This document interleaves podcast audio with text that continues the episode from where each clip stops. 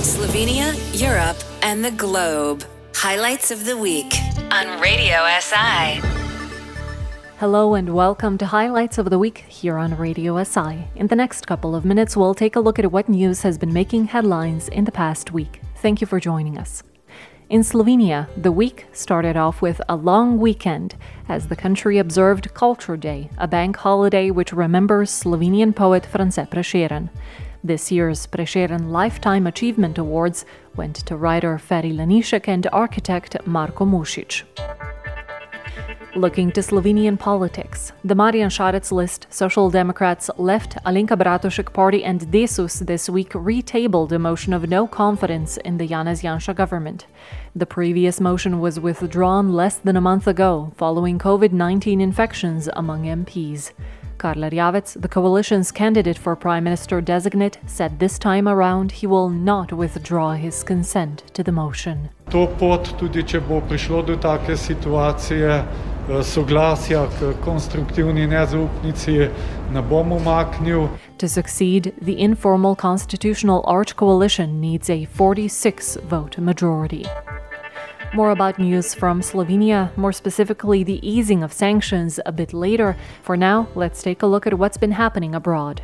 European Commission President Ursula von der Leyen this week said Europe is still not where it wanted to be in terms of vaccine production. Vaccine distribution has been slow across the bloc, with AstraZeneca and Pfizer both saying they had capacity and supply issues von der Leyen. We fully understand that difficulties will arise in the mass production of vaccines. But Europe has invested billions of euros in capacities in advance, and we urged the member states to plan their vaccine rollout. So now we all need predictability. The EU has been lagging behind both the UK, US, and even Serbia in terms of people vaccinated per 100. South Africa has meanwhile put its rollout of the Oxford AstraZeneca vaccine on hold after a study involving around 2,000 people found the vaccine offered minimal protection against mild and moderate cases of its new COVID variant. The country has received 1 million doses of the AstraZeneca jab and was due to start vaccinating people this week. A team of WHO experts has dismissed claims that the COVID 19 virus may have leaked from a lab in China. The experts believe the virus came from animals, most likely bats. It then somehow spread to humans, but they're still not sure how. Glancing over the Atlantic, US President Joe Biden approved an executive order to impose sanctions on the leaders of Myanmar's coup. The measures will be focused on military leaders, their family members, and businesses linked to them. Myanmar has been rocked by protests ever since the country's military seized power in a coup on February 1st, after claiming without evidence that Aung San Suu Kyi's National League for Democracy's election win was rigged. As former U.S. President Donald Trump faces an impeachment trial in Senate, U.S. President Joe Biden has canceled plans to continue building Trump's border wall. About $25 billion had been spent on the project. Biden said no further tax dollars will be spent on the wall.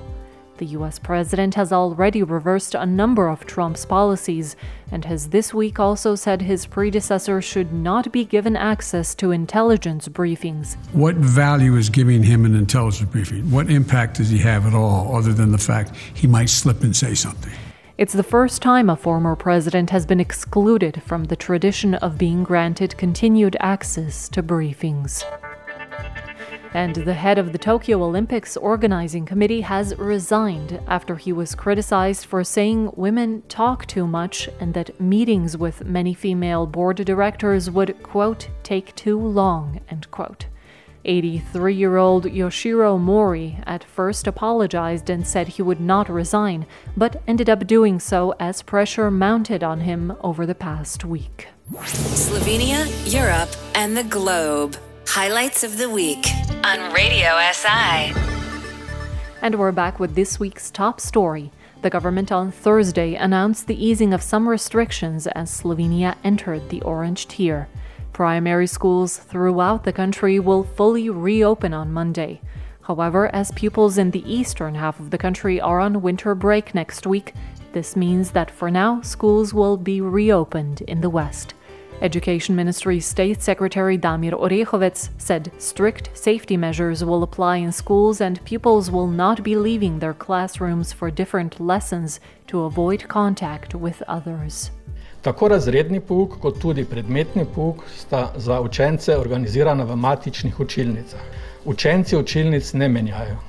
Last year, secondary school students will also return. Schools in Slovenia have been closed for four months now.